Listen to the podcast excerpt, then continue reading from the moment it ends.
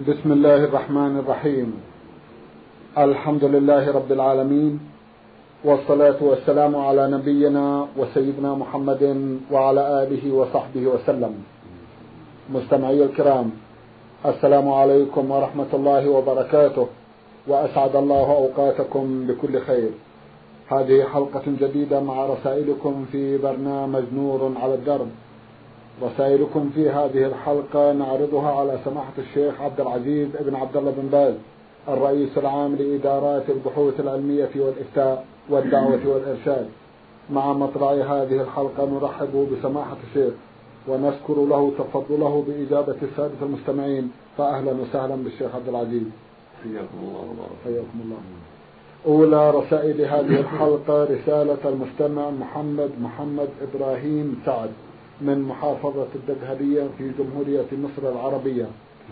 أخونا محمد له جمع من الأسئلة في أحد أسئلته يسأل ويقول هل صحيح أن الميت يعذب ببكاء أهله عليه؟ وإذا كان هذا صحيح ما ذنب الميت في هذا العذاب علما بأن هذا ليس من عمله؟ بسم الله الرحمن الرحيم. الحمد لله وصلى الله وسلم على رسول الله. وعلى آله وأصحابه من اهتدى بهداه أما بعد فقد ثبت عن رسول الله عليه الصلاة والسلام أنه قال إن الميت يعذب في قبره بما يناح عليه. واللفظ الآخر الميت يعذب في قبره بنياحة أهله عليه. ونحن علينا السمع والطاعة والامتثال والله سبحانه لا يسأل عما يفعل وهم يسألون والبكاء الذي في الحديث يعني النياحة في بعض الروايات ببكاء والمراد يعني النياحة. والبكاء الذي يعذر به النياحة يعني رفع الصوت. أما دمع العين فلا حرج في ذلك. ولعل من الحكمة في ذلك أن يجتهد في توصية أهله وأقاربه ألا ينوحوا وأن يحذرهم في حياته من ذلك لئلا يعذب في قبره بأسبابهم. ولعل العذاب الذي يكون في قبره بأسبابهم عذاب خاص لا نعلم كيفيته وأما قوله جل وعلا ولا تزر وازرة وزر أخرى فهذا عام وهذا خاص. والخاص لا يعارض العام بل يخصص منه. وله نظائر في الشريعة يأتي العام ويأتي الخاص. فلا يستغرب ذلك. وعرفت أن من الحكمة والله أعلم بذلك أن علمه بأنه يعذب بالنياحة يدعوه إلى أن يوصيهم بالترك ويحذرهم من هذه المعاصي الجاهلية. وهم أيضا كذلك إذا علموا يكون هذا أدعى إلى صبرهم وعدم جزعهم وإلى تركهم النياحة رحمة بميتهم وحذرا من تعليمه بأسبابهم. نسأل الله لنا ولكم الهداية والتوفيق. اللهم آمين. جزاكم الله خيرا. يقول عندنا في البلدة قبل قيام المؤذن لصلاة الفجر يقول جميع من في المسجد لا إله إلا الله قبل كل أحد. لا إله إلا الله بعد كل أحد. لا إله إلا الله محمد رسول الله صلى يقول عندنا في البلدة قبل قيام المؤذن لصلاة الفجر يقول جميع من في المسجد لا إله إلا الله قبل كل أحد. لا إله إلا الله بعد كل أحد. لا إله إلا الله محمد رسول الله حقا وصدقا ويقينا. فهل هذه الأذكار وردت؟ ويجوز ويجوز ذكرها في هذا الوقت؟ هذه الأذكار لا أصل لها في هذا الوقت وهي بدعة بهذا الشكل يعني برفع الصوت والمواظبة على ذلك والاعتياد هذا لا لا أصل له فهو بدعة. يقول النبي صلى الله عليه وسلم من عمل عملا ليس عليه أمر فهو رد. ولم يكن صلى الله عليه وسلم ولا أصحابه يفعلون هذا لا قبل صلاة الفجر ولا قبل صلاة غيرها. لكن إذا ذكر الله بينه وبين نفسه لا لا حرج عليه. بينه وبين نفسه لا إله إلا الله انه لا شريك له. لا إله إلا الله قبل كل أحد وبعد كل أحد ولا حرج في ذلك. ولله الحق سبحانه قبل الناس وبعد الناس. لكن كونه يقال هذا الذكر عن صوت واعتياد قبل أن قيام صلاة الفجر هذا لا لا يصل بل هو بدعة.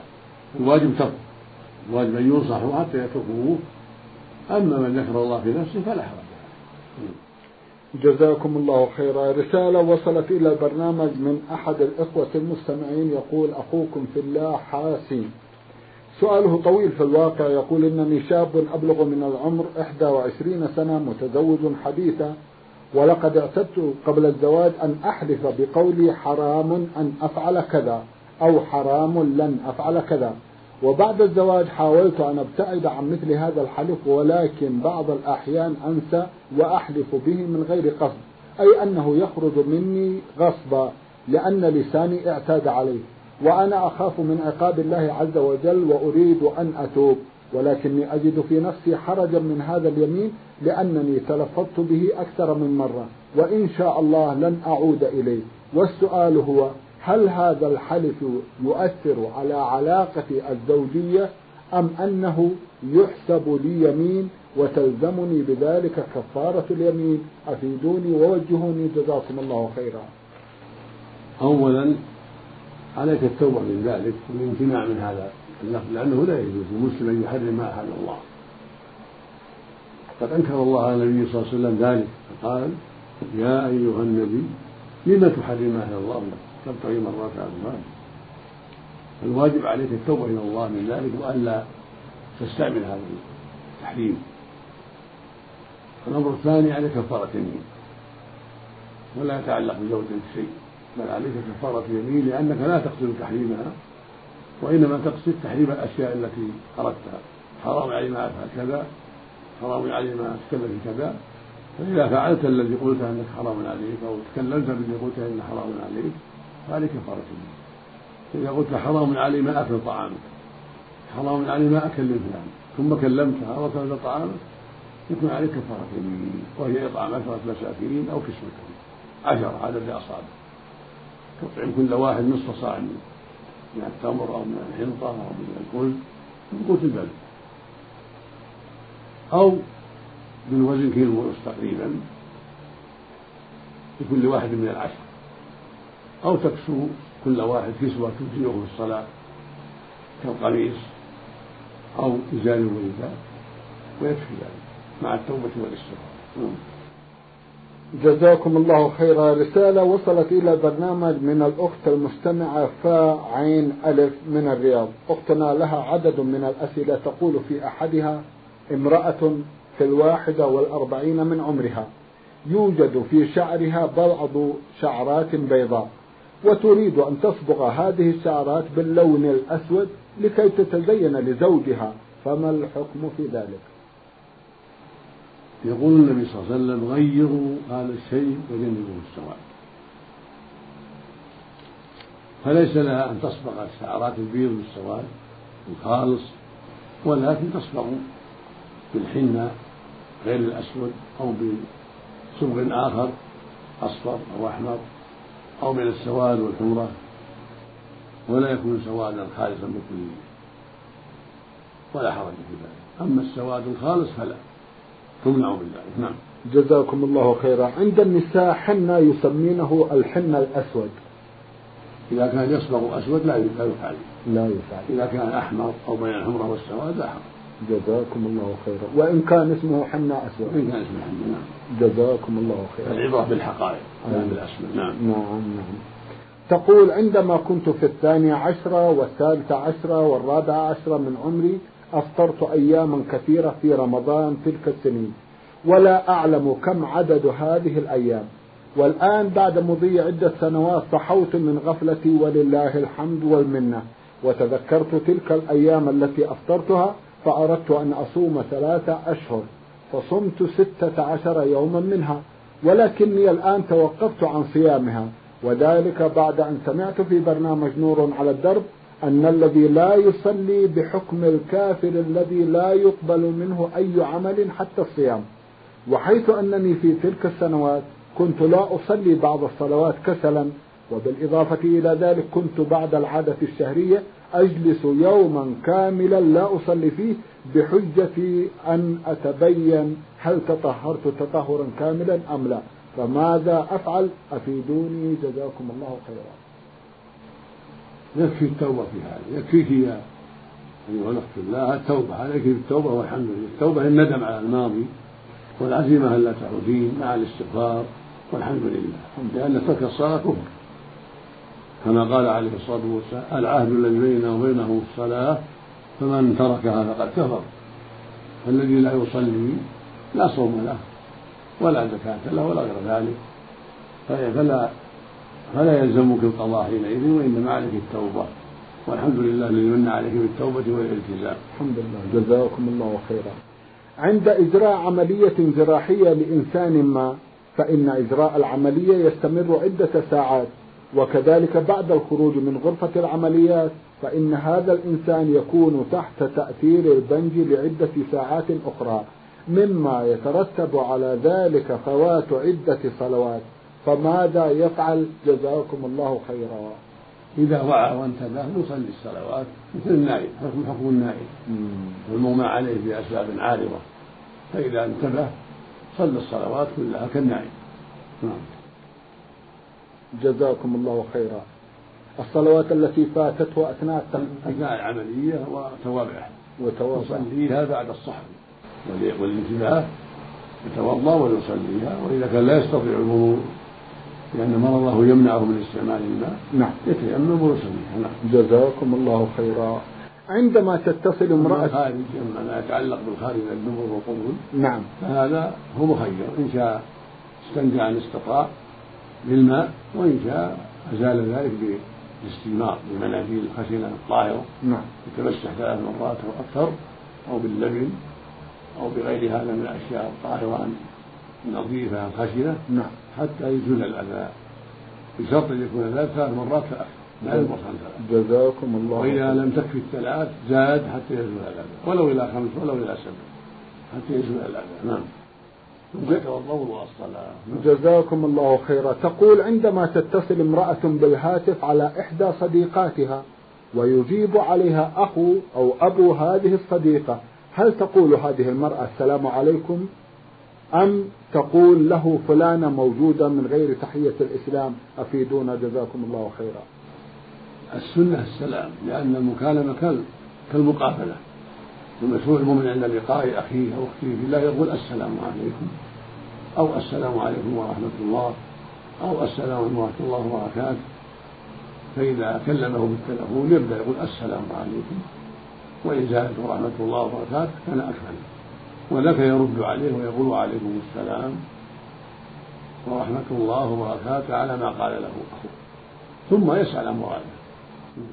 جزاكم الله خيرا. هذا إن كان من المرأة للرجل أو ولو من ولو, ولو من الرجال والنساء ولو كانت مع أجنبي. لأن هذا شرع الله. تقول السلام عليكم. وكان يسلم على النساء وهن أجنبيات. اللهم صل على النبي تقول لها السلام عليكم. وتقول أين فلانة؟ زوجته أو أختها أو أمه. تسأل عنها عن لازمها وإن كانت تستفتي تسأل. السلام عليكم. تسأل عن حاجة إن كانت تسأل عالما نعم. تستفتي تقول السلام عليكم أولا ثم تسأل. جزاكم الله خيرا. ما الحكم في زيارة المرأة لقبر الرسول صلى الله عليه وسلم وقبر أبي بكر وعمر في المدينة المنورة مع العلم بأنه يوجد وقت محدد لزيارة القبر لزيارة القبر لزيارة النساء إلى القبر؟ في هذه المسألة خلاف بين أهل العلم. من أهل العلم من قال يستحب الزيارة للجميع للرجال والنساء. وقال آخر من أهل العلم إنما خاصة بالرجال دون النساء. حتى نعم. قبر النبي صلى الله عليه وسلم وحتى قبر صاحبه وهذا القول أصح. أنه لا يشرع لهن زيارة القبور مطلقا حتى قبر النبي وحتى قبر صاحبه رضي الله عنهما لأنه عليه الصلاة والسلام قال زوروا القبور فإنها تذكركم الآخرة وهذا خطاب للرجال وقال في حق النساء وثبت عنه في حق النساء أنه لعن زائرات القبور. فدل ذلك على أن النساء لا يزورن لأن لعنه لهن يدل على المنع ولم يقل إلا قبري وقبر صاحبي لم يستثني. فدل ذلك على دخول قبره وقبر صاحبه في الحديث الذي فيه اللعن. فالواجب عليهن ألا يزورن القبور وإنما ذاك للرجال خاصة. أما الصلاة على الميت فهي مشروعة للجميع. الصلاة على الميت في البيت أو في المساجد إذا صلت المرأة معه هذا مشروع ليس مثل الزيارة. إنما الممنوع الذهاب إلى القبور واتباع الجنائز إلى القبور هذا لا تفعله النساء لا تتبع الجنائز إلى المقبرة ولا ولا تزور القبور. والعلة في ذلك والله أعلم أنها فتنة. وأن مخالطة الرجال قد يترتب عليه أمور لا تحمد عقباها ومن رحمة الله أن شرع لهن ترك الزيارة في القبور ومنعهن من ذلك حفاظا على سلامتهن وسلامة الرجال من شرهم. جزاكم الله خيرا. إذا ذلك اليوم المخصص لزيارة النساء لقبر الرسول صلى الله عليه وسلم وصاحبه آخذا بتلك الفتوى؟ الظاهر أن فعلوه يعني أخذا بقول بعض العلماء نعم. ومراعاة لموافدات بعيد ونحو ذلك وهذا له وجه من حيث أن أنه قول قال به بعض العلماء نعم. ولكن الأرجح منعه فلو منعت الدولة كان أصلح. جزاكم الله خيرا ونفع بعلمكم. فتاة حجت حجة الفريضة. وكانت ساترة جسمها بالكامل عن الرجال الأجانب شعرها ووجهها وسائر بدنها ما عدا كفيها. فقد بقي فقد بقيتا دون أن تغطيهما جهلا منها لذلك. فما الحكم في ذلك؟ أجيبونا مأذورين. ليس عليها حرج الحمد لله. بجهلها والمستقبل إن شاء الله تغطيهما بالقفازين أو بغيرهما. نعم لكن في حال الإحرام لا تلبس ولا النقاب والبرقع ونحوه ولكن تغطي وجهها في الإحرام بغير ذلك كالخمار والجلباب ونحو ذلك وهكذا تغطي يديها بالجلباب أو بالخمار أو بالعباءة وغير ذلك. في حال الإحرام لا تلبس القفازين ولا تلبس النقاب لأن الرسول نهى عن ذلك عليه الصلاة والسلام. جزاكم الله خيرا. تسأل وتقول ما معنى العبارات التالية؟ سوء الظن بالله. سوء الظن بالله ظنك أن الله لا يغفر لك وأنه لا يدخل لا يدخلك الجنة. يعني تظن ظنا غير مناسب هذا سوء الظن بالله وهكذا الظن بإخوانك سوء الظن بإخوانك. أن تظن ظنا غير لائق فإنه ينبغي أن تظن بالله كل خير سبحانه وتعالى. لأن في الحديث الصحيح يقول الله عز وجل أنا عند ظن عبدي. بي ويقول النبي صلى الله عليه وسلم لا يموتن أحد منكم إلا ويحسن ظنه بالله. فأحسن ظنك بالله. وظن به أنه يعفو عنك سبحانه هو العفو الغفور وأنه يقبل منك وأنه يدخلك الجنة لأنك موحد ومسلم. ولكن مع هذا تحذر السيئات. لأن السيئات تغضبه سبحانه. تحذر السيئات والمعاصي. وأحسن ظنك بربك مع التوبة إلى الله ومع الحذر أحسن ظنك بربك. ولا تقنط ولا تيأس وإن كان عندك معصية. لكن عليك أن تبادر بالتوبة والإصلاح قبل الموت لأن المعاصي تدل سوء الظن بالله تدعو إلى سوء الظن بالله. فعليك أن تحذر المعاصي وأن تتوب إلى الله منها وأن تجتهد في إحسان ظنك بربك وأنه سبحانه الجواد الكريم الغفور الرحيم الذي يغفر لعباده الموحدين المؤمنين ويتجاوز عن سيئاتهم كما أنه سبحانه شديد العقاب لمن تساهل في حقه وارتكب معصيته فتكون حسن الظن بالله مع الحذر من المعاصي ومع التوبة إلى الله منها وعدم الغرور وعدم الأمن من مكر الله عز وجل. نعم. جزاكم الله خيرا. كيف يعرف أو كيف يعرف المرء بأنه يحب الله ورسوله الحب الكامل؟ يعرف ذلك باتباعه الشرع وتعظيمه الشرع ولزومه حد الله وتركه معاصي الله. قال تعالى قل إن كنتم تحبون الله فاتبعوني يحبكم الله ويغفر لكم ذنوبكم. وقال فسوف يأتي الله بقوم يحبهم ويحبونه أذلة على المؤمنين أعزة على الكافرين يجاهدون في سبيل الله ولا يخافون لومة لائم. فالمحب لله الصادق يطيع أوامره وينتهي عن نواهيه ويسارع إلى مراضيه ويقف عند حدوده. هكذا المحب الصالح. أما من يتعاطى المعاصي هذا دليل على نقص حبه لله. يقول الشاعر تعصي الإله وأنت تزعم حبه. هذا لا في القياس بديل. لو كان حبك صادقا لأطعته إن المحب لمن يحب مطيع فالذي يحب الله صادقا يؤدي فرائضه وينتهي عن مناهيه ويقف عند حدوده. يرجو فضله وإحسانه ويخاف غضبه ويقوته سبحانه وتعالى. نعم. جزاكم الله خيرا. الأمن من مكر الله. الأمن من مكر الله كون الإنسان يطمئن قلبه ولا يخاف عقوبة الله بل هو مخرج إلى المعاصي والسيئات آمن من عقوبة الله لا يبالي ولا يخاف عقوبة الله. إما لجهله وإما لغروره بأنه موحد وأن المعاصي لا تضره وإما لأسباب أخرى غرته بالله. فتساهل بالمعاصي وأمن العقوبة. ولم يخف العقوبة هذا من كبائر الذنوب. قال تعالى أفأمنوا مكر الله؟ فلا يأمن مكر الله إلا القوم الخاسرون. الذي لا يخاف عقوبة الله ولا يخاف نقمة لا في الدنيا ولا في الآخرة هذا آمن. وهو على خطر عظيم. وقد سماه الله سماه الله خاسرا نسأل الله السلامة جزاكم الله خيرا. حب الله وحب رسوله بأي شيء يتم ذلك؟ يتم حب الله ورسوله بطاعة الله ورسوله وترك معصية الله ورسوله. قل إن كنتم تحبون الله فاتبعوني يحبكم الله ويغفر لكم ذنوبكم. يقول يقول النبي صلى الله عليه وسلم ثلاث من كن فيه وجد بهن وجد حلاوة الإيمان. أن يكون الله ورسوله أحب إليه ما سواهما وأن يحب المرأة لا يحبه إلا لله. وأن يكره يعود بالكفر بعد إذا انقذه الله منه كما يكره أن يقذف فيه.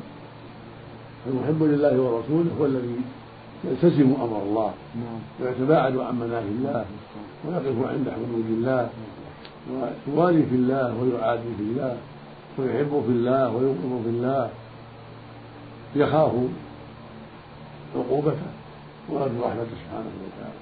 هكذا المحب لله والمحب لرسوله عليه الصلاة والسلام. جزاكم الله خيرا. رسالة وصلت إلى البرنامج من المستمع عين حا عين من مصر وقد بعث بمجموعة من الأسئلة يقول في أحدها شخصان يعملان في مسجد واحد ويصليان معا بإمامة أحدهما ولكن المأموم يسلم بعد الإمام بثلاث دقائق تقريبا وعندما يسأله الإمام لماذا يفعل هكذا يرد عليه بأن صلاته سريعة فهل يصح هذا؟ السنة للمؤمن أن يسلم بعد إمامه وأن يفعل الأمور بعد إمامه متصلا به لا يتأخر.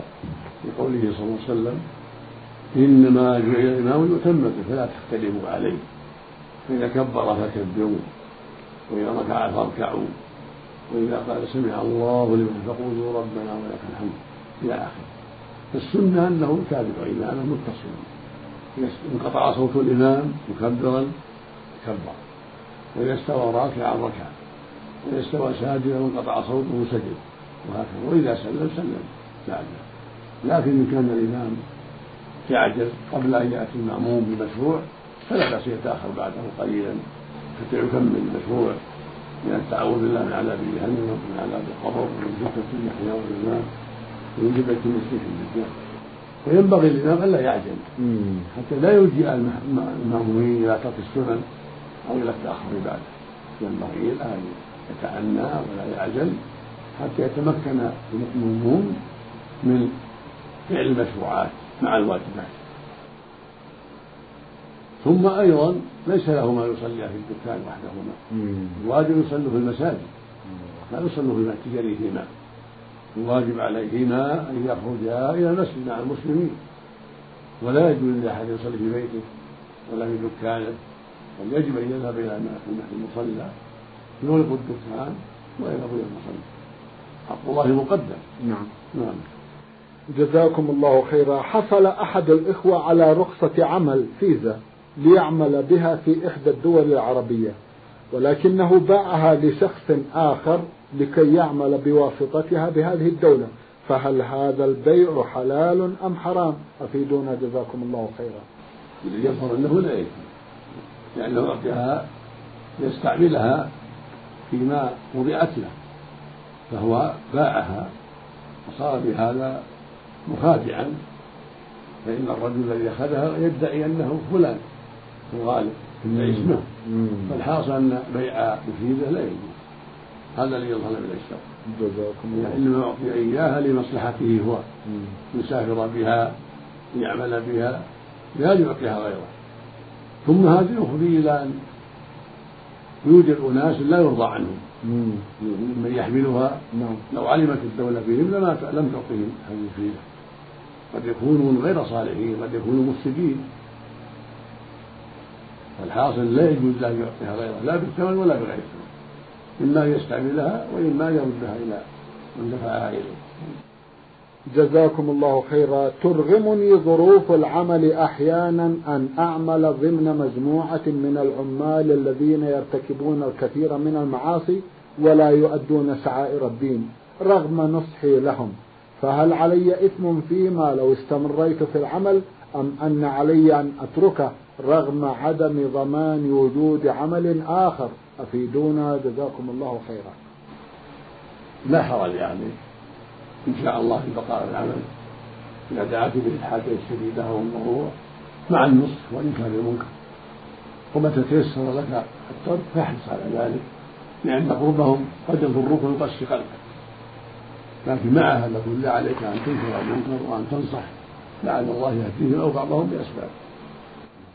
جزاكم الله خيرا. من قرية الشبيطة بالجمهورية العربية اليمنية قضاء زبيدي المستمع أحمد عمر الشجاني بعث يقول أنا شاب مسلم من الجمهورية العربية اليمنية. لقد حجيت عدة حجات والحمد لله ولكنني غير متعلم رجل أمي. ولقد حجيت لوالدي من ضمن الحجات المتكررة التي وفقني الله بها في هذا البلد الأمين. وأفيدكم بأنني لم أفدي بأي ذبيحة في الحج لحيث أنني كنت لا أعرف ما معنى الذبيحة هل أنا ملزم بها أم لا؟ ولكن عندما تفهمت من المرشدين والخطباء فكرت في هذا الأمر وقررت أن أسأل سماحتكم ماذا علي في ذلكم التقصير في دنيا أثابكم الله. ثم إنني عندما أقدم من اليمن لا أحرم من الميقات المخصص لأهل اليمن وهو وادي لملم. لحيث أنني أتعدى هذا الميقات وعندما أصل مدينة جدة أحرم منها وأذهب إلى مكة المكرمة. ولكنني فهمت بأنه يلزم الإحرام من الميقات الذي يحرم فيه أهل اليمن. فقررت أن أسأل سماحتكم ماذا يلزمني أيضا في ذلك؟ جزاكم الله خيرا. يلزمك ترك الإحرام من الميقات دم يذبح في مكة. عن كل سفرة أخذت فيها عمرة أو حج ولم تحرم ميقات اليمن. عليك أن تذبح عن كل واحدة ذبيحة في مكة للفقراء مع التوبة والاستغفار. أما الفدية فإن كنت إذا قدمت مكة للحج تحرم بالحج مفردا وتبقى على إحرامك ولم تأتي بعمرة فليس عليك فدية. أما إذا كنت حين حججت حجاتك تحرم بالعمرة بعد رمضان ثم تحج فعليك فدية عن جميع الحجات التي وقع فيها عمرة بعد رمضان. كل حجة فيها عمرة بعد رمضان عليك دم عنها تذبح في مكة وتأكل منه وتطعم. أما الحجات التي ليس فيها عمرة بل تأتي تحل من الميقات بحج مفرد وتبقى على إحرامك حتى تؤدي الحج هذا ليس عليك فيه فدية والحمد لله. جزاكم الله خيرا. سماحة الشيخ في ختام هذا اللقاء أتوجه لكم بالشكر الجزيل بعد شكر الله سبحانه وتعالى على تفضلكم بإجابة السادة المستمعين. وآمل أن يتجدد اللقاء وأنتم على خير. اللهم آمين. مستمعي الكرام كان لقاؤنا في هذه الحلقة مع سماحة الشيخ عبد العزيز بن عبد الله بن باز الرئيس العام لإدارات البحوث العلمية والإفتاء والدعوة والإرشاد. شكرا لمتابعتكم وإلى الملتقى وسلام الله عليكم ورحمته وبركاته.